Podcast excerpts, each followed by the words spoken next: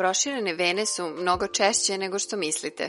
Smatra se da čak oko 30% ukupne populacije pati od ove bolesti krvnih sudova nogu.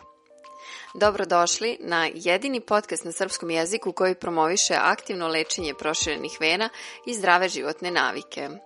Nakon velikog broja slušanja epizoda iz prve sezone, što bi se reklo noga pred nogu i stigli smo do druge sezone našeg podcasta o proširenim venama. Ja sam Jelena Misita, savjetnica za komunikaciju u zdravstvu, a moj sagovornik je dr. Dario Jocić, naš poznati vaskularni hirurg koji je 20 godina svog profesionalnog života posvetio lečenju venskih bolesti i hirurgiji vena. Uradio je preko 5000 operacija različitim metodama i odgovorno tvrdi da se venske bolesti u svim stadijumima mogu uspešno izlečiti. Tema današnje emisije je COVID-19 i proširene vene. Sve informacije na jednom mestu. Razlog zbog kog smo se odlučili da ovom temom otvorimo ovu sezonu je pandemija koja i dalje traje, ali i veliki broj nedoumica koje ljudi još uvek imaju o tome kako korona, vakcina ili post-covid sindrom i poremećaj gustine krvi utiču na proširene vene. Doktore, dobar dan. Kao što neke bolesti ili stanja, na primjer diabetes i trudnoća, mogu da pogoršaju problem s proširenim venama, da li korona može da izazove, ubrza ili pogorša venske bolesti?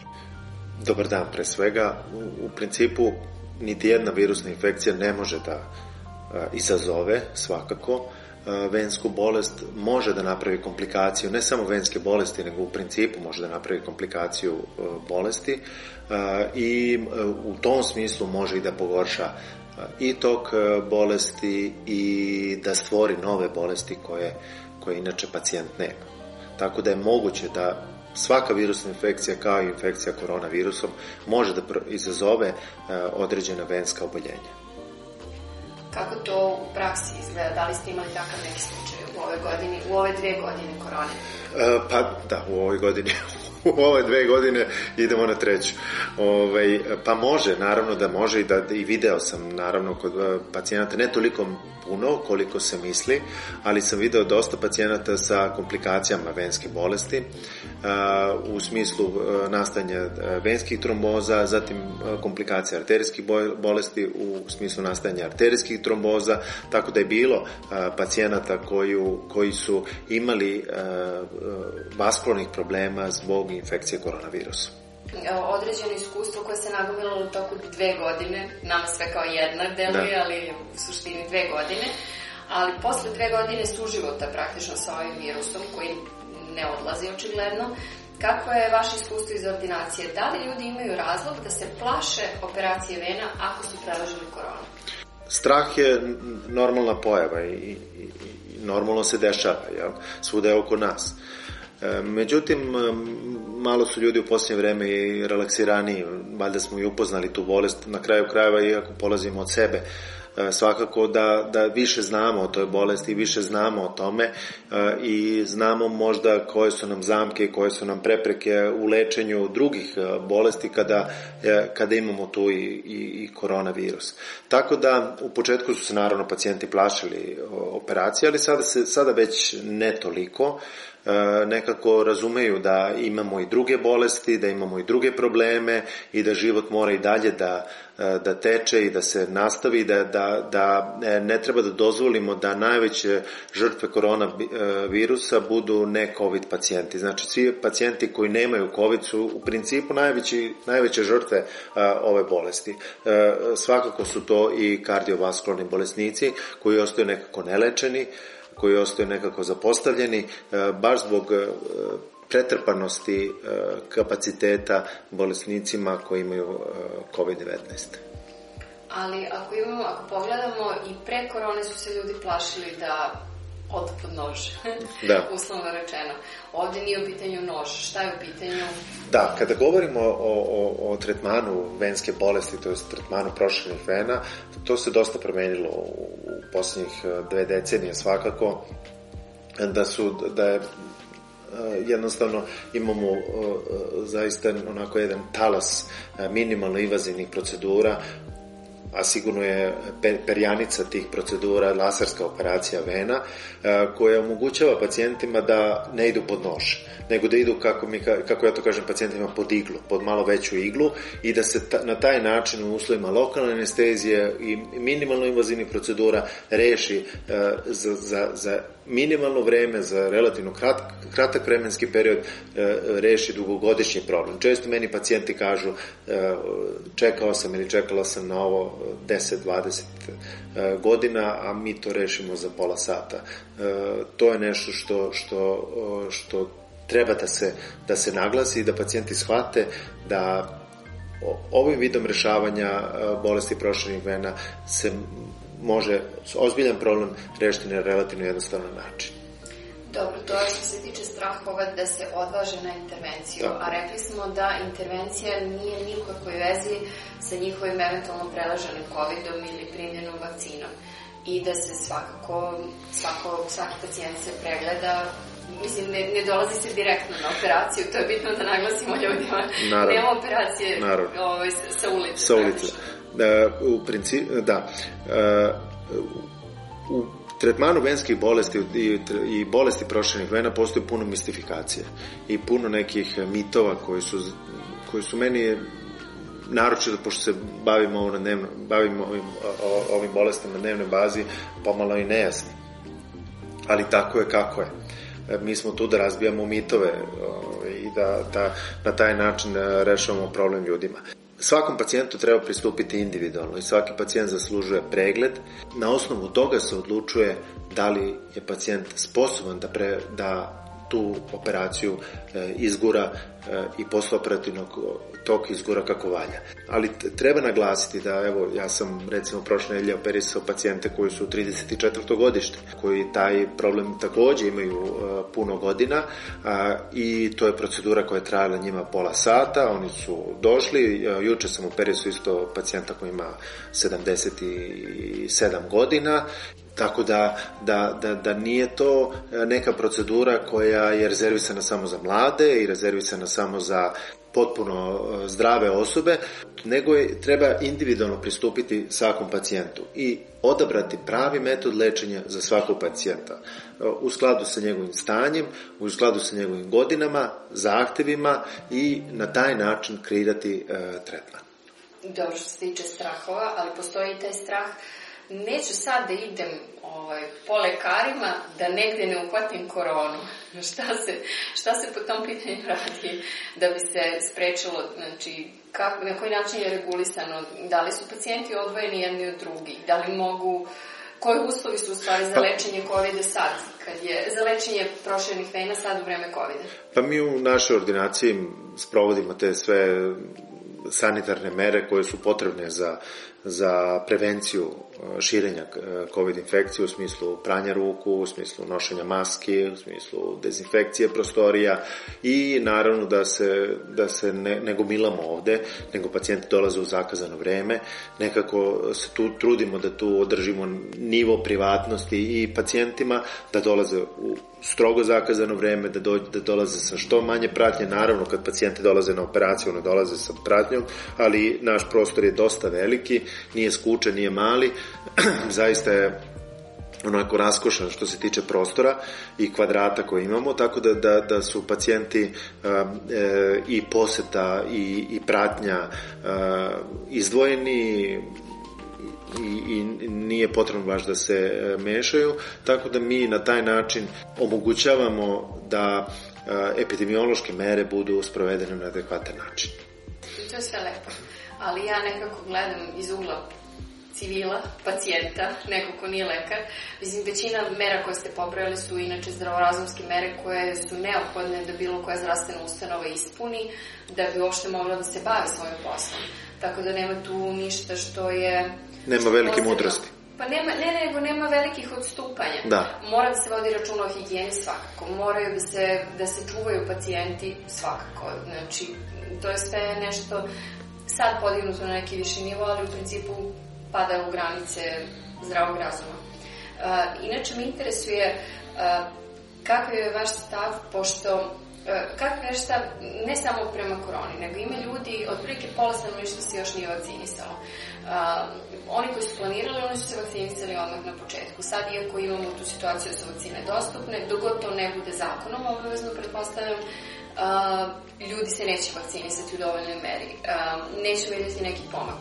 Za one koji su se vakcinisali, interesuje me da li kod njih na bilo koji način može da utiče to što su se vakcinisali, dakle vakcina, na njihovo eventualno lečenje proširenih vena. Da li je potreban poseban oprez, da li imaju neke rizike i zapravo koliko vremena posle primljene vakcine smeju da operišu venu. Tu nema pravila i nema nikakvog razloga da, da odlažemo intervenciju zbog vakcinacije.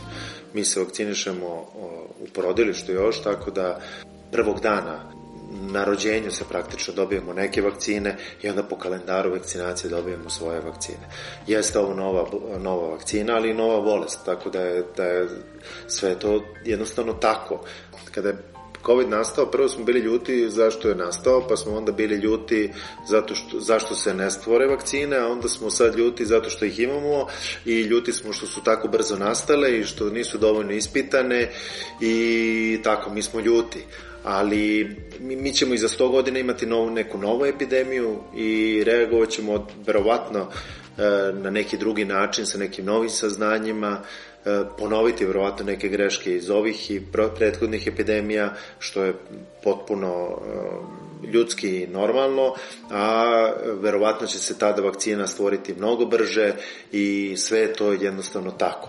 Naravno da nemam neki odgovor precizan oko vakcinacije i operacije vena, ali ukoliko je pacijent potpuno u redu, nema razloga odlagati intervenciju e, zbog neposredno izvršene vakcinacije neposredno pre operacije.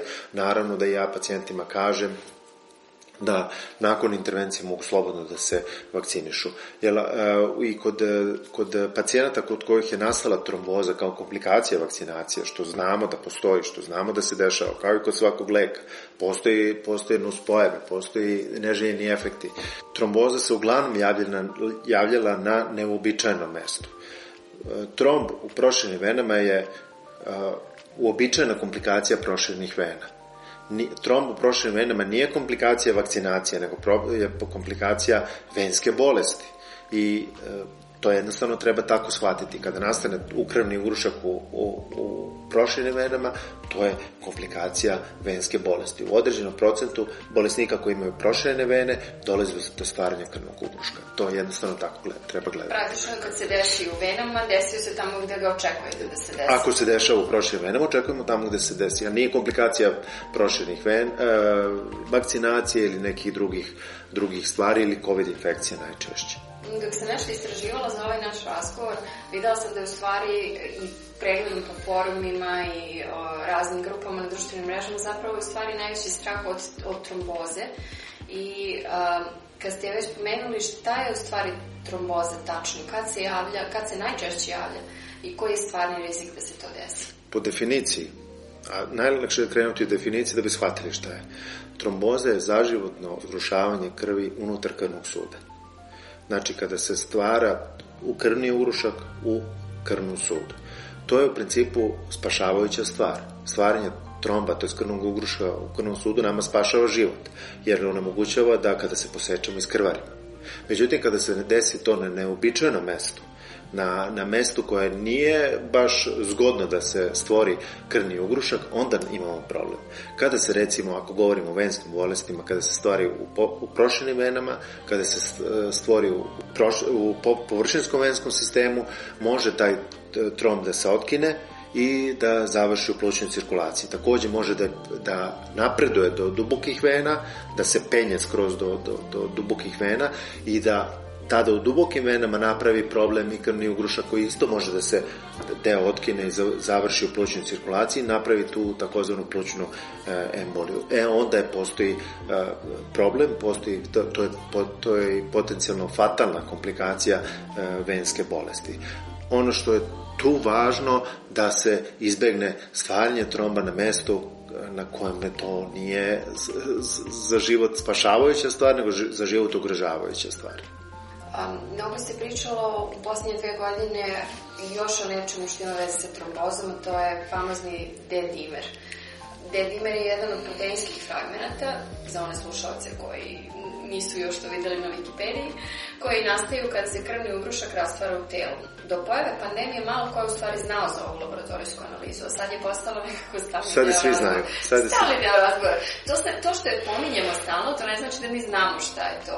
Ne. Ali je postalo otprilike Mi nemamo pitanje. pojma šta je to.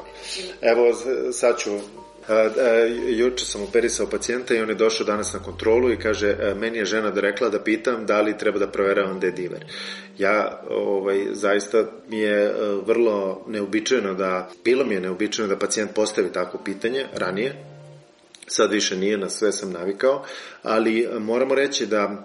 Posle ukoliko, samo dve godine, da li je moguće? Da, pacijent kada je operisan, on normalno da ima povišen dedimer. Ja sam mu rekao, vi možete da proverite, ali bit će on visok.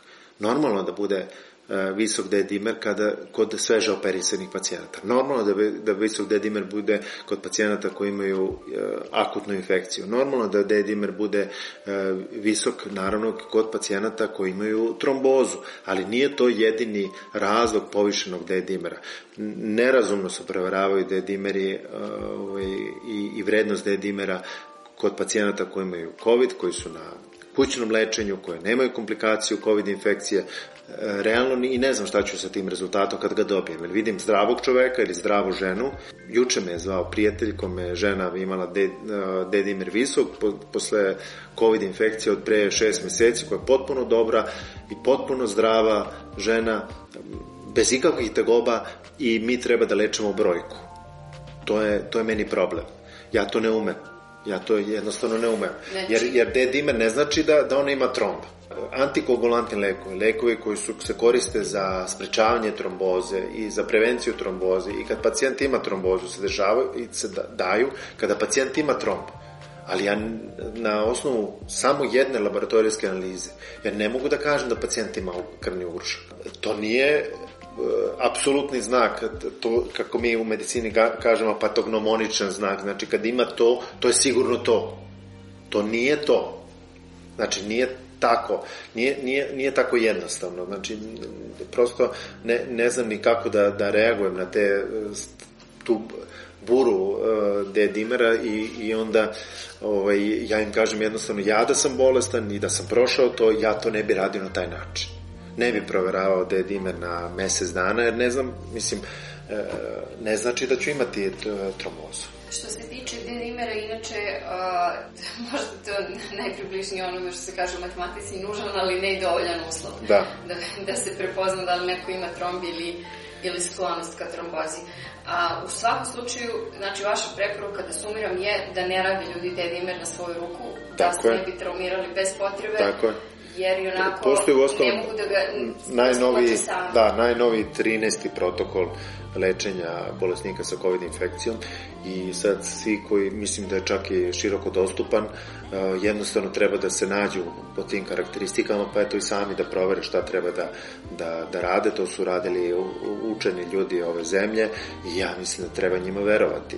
Znači to su ljudi koji su posvetili život medicini posvetili su život lečenju pacijenata ima tu hematologa ima tu pulmologa najbolje što mi imamo, pa tako nam je kako nam je. Nekako su uh, pokupili svo znanje ovog sveta, pročitali puno radova o tome i napisali nešto o tome, tako da ja bi to poslušao, ne bi, ne bi radio ništa na svoju ruku, jer se jednostavno ne bavim na taj način toliko uh, tom bolešću.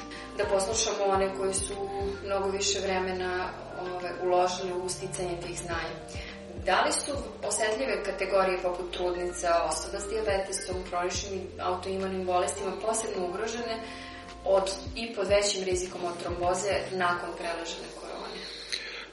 E, ne samo nakon preležene korone, ti pacijenti su u povećanom riziku za komplikaciju venske bolesti i tromboze u svakom slučaju.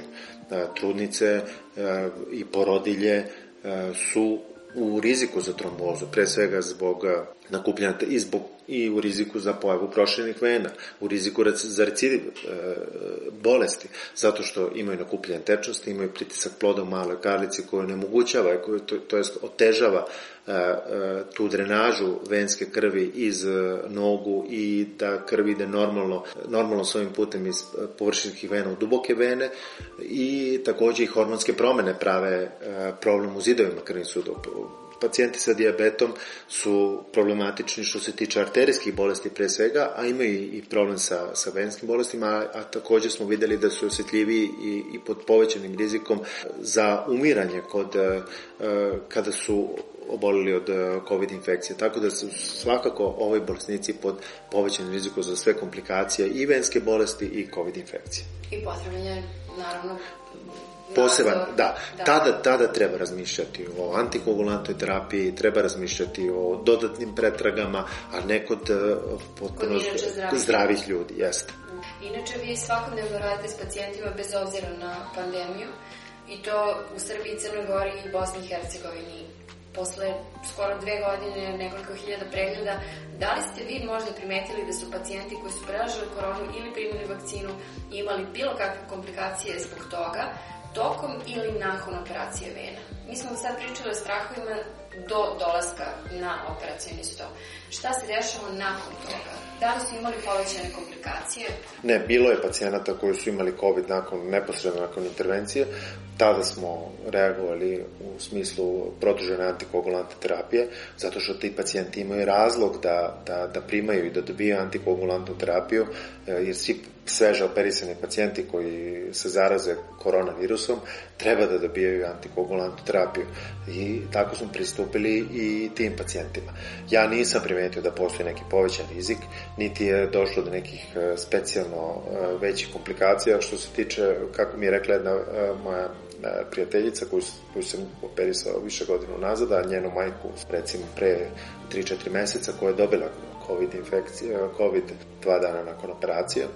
Ona rekla, noga je dobro, ovaj, samo ima temperaturu i sve to i sve vreme noga bila dobro, ona se oporavila, hvala Bogu, ovaj, ali tokom to, celog tog oporavka noga je bila dobra. To je, to je suštinski važno, da ona nije imala a, komplikaciju niti posle pro, te procedure a, operacije prošenih vena. To, to je ono što je najvažnije. Posle ovog prilično opšenog razgovora, da sumiramo koje su najvažnije poruke u vezi sa koronom i prošenim venama, neke dve ili tri stvari koje biste volili da ljudi zapamte iz ovog našeg razgovora? Pre svega korona pravi problem i COVID, COVID pravi problem kod pacijenata na, pre svega na neobičajnom mestu za stvaranje tromboze. Znači, to je, to je pravilo, problem pacijenti su imali šlogove, plućne embolije, ako govorimo i o, o vakcinaciji i ako govorimo o infekciji koronavirusa. Znači, to su bile duboke venske tromboze, a ne problem u površinskom venskom sistemu. Ako govorimo o tretmanu u doba korone, tretman se kao i za sve ostale bolesti odvija normalno, imamo i druge bolesti, ne treba odlagati život, nego treba ga živeti kako god sa, sa ovim problemima koje imamo. I pacijenti čak e, neki koji su odložili pre godinu dana intervenciju, došli su mi ovaj, pre mesec dana da se operišu, vide da nema, nema poen, nisu bolji, nego su samo gori, a vreme prolazi. Tako da su to e, osnovne poruke i treba malo uključiti nekako, kako bi ja rekao, zdravu pamet, nekako sve razložiti na logične stvari, ne, na, ne ići u mistifikaciju. Znači imamo virusnu infekciju, imamo virus koji je oko nas i koji će tu ostati ili neće, ali imamo i mi druge virusne bolesti i druge i bakterijske infekcije. Sa, tome, sa time moramo živeti, to je jednostavno tako. I da, ne radite D-dimer na svoju ruku. Svakako ne radite D-dimer na svoju ruku, jer sa tim rezultatom nešto preterano ne možemo dobiti. Znači, kada je D-dimer e, normalan, tromba sigurno nema, kada je D-dimer povišen, ne znači da tromba ima. To je suštinski važno. D-dimer se kod pacijenata radi kad postoji sumnja na duboku vensku trombozu ili plućnu emboliju, ali a, kada imamo sve znake da tromboza postoji, a tromb ne možemo da nađemo. Kada nemamo znake da tromb postoji, nema razloga da radimo dedimer. Ide Jednostavno je tako. Tako je, nema, nema razloga, jer tromb nećemo naći, to je sigurno. Hvala doktore na ovom razgovoru. Nadam se da je slušalcima sklonio razne nedoumice. Ukoliko bude nekih pitanja, mi smo uvek tu. Praktično mogu da nas kontaktiraju putem sajta lečenje srednja crta vena.rs a ja se vama zahvaljujem do sledećeg razgovora. Hvala i vama.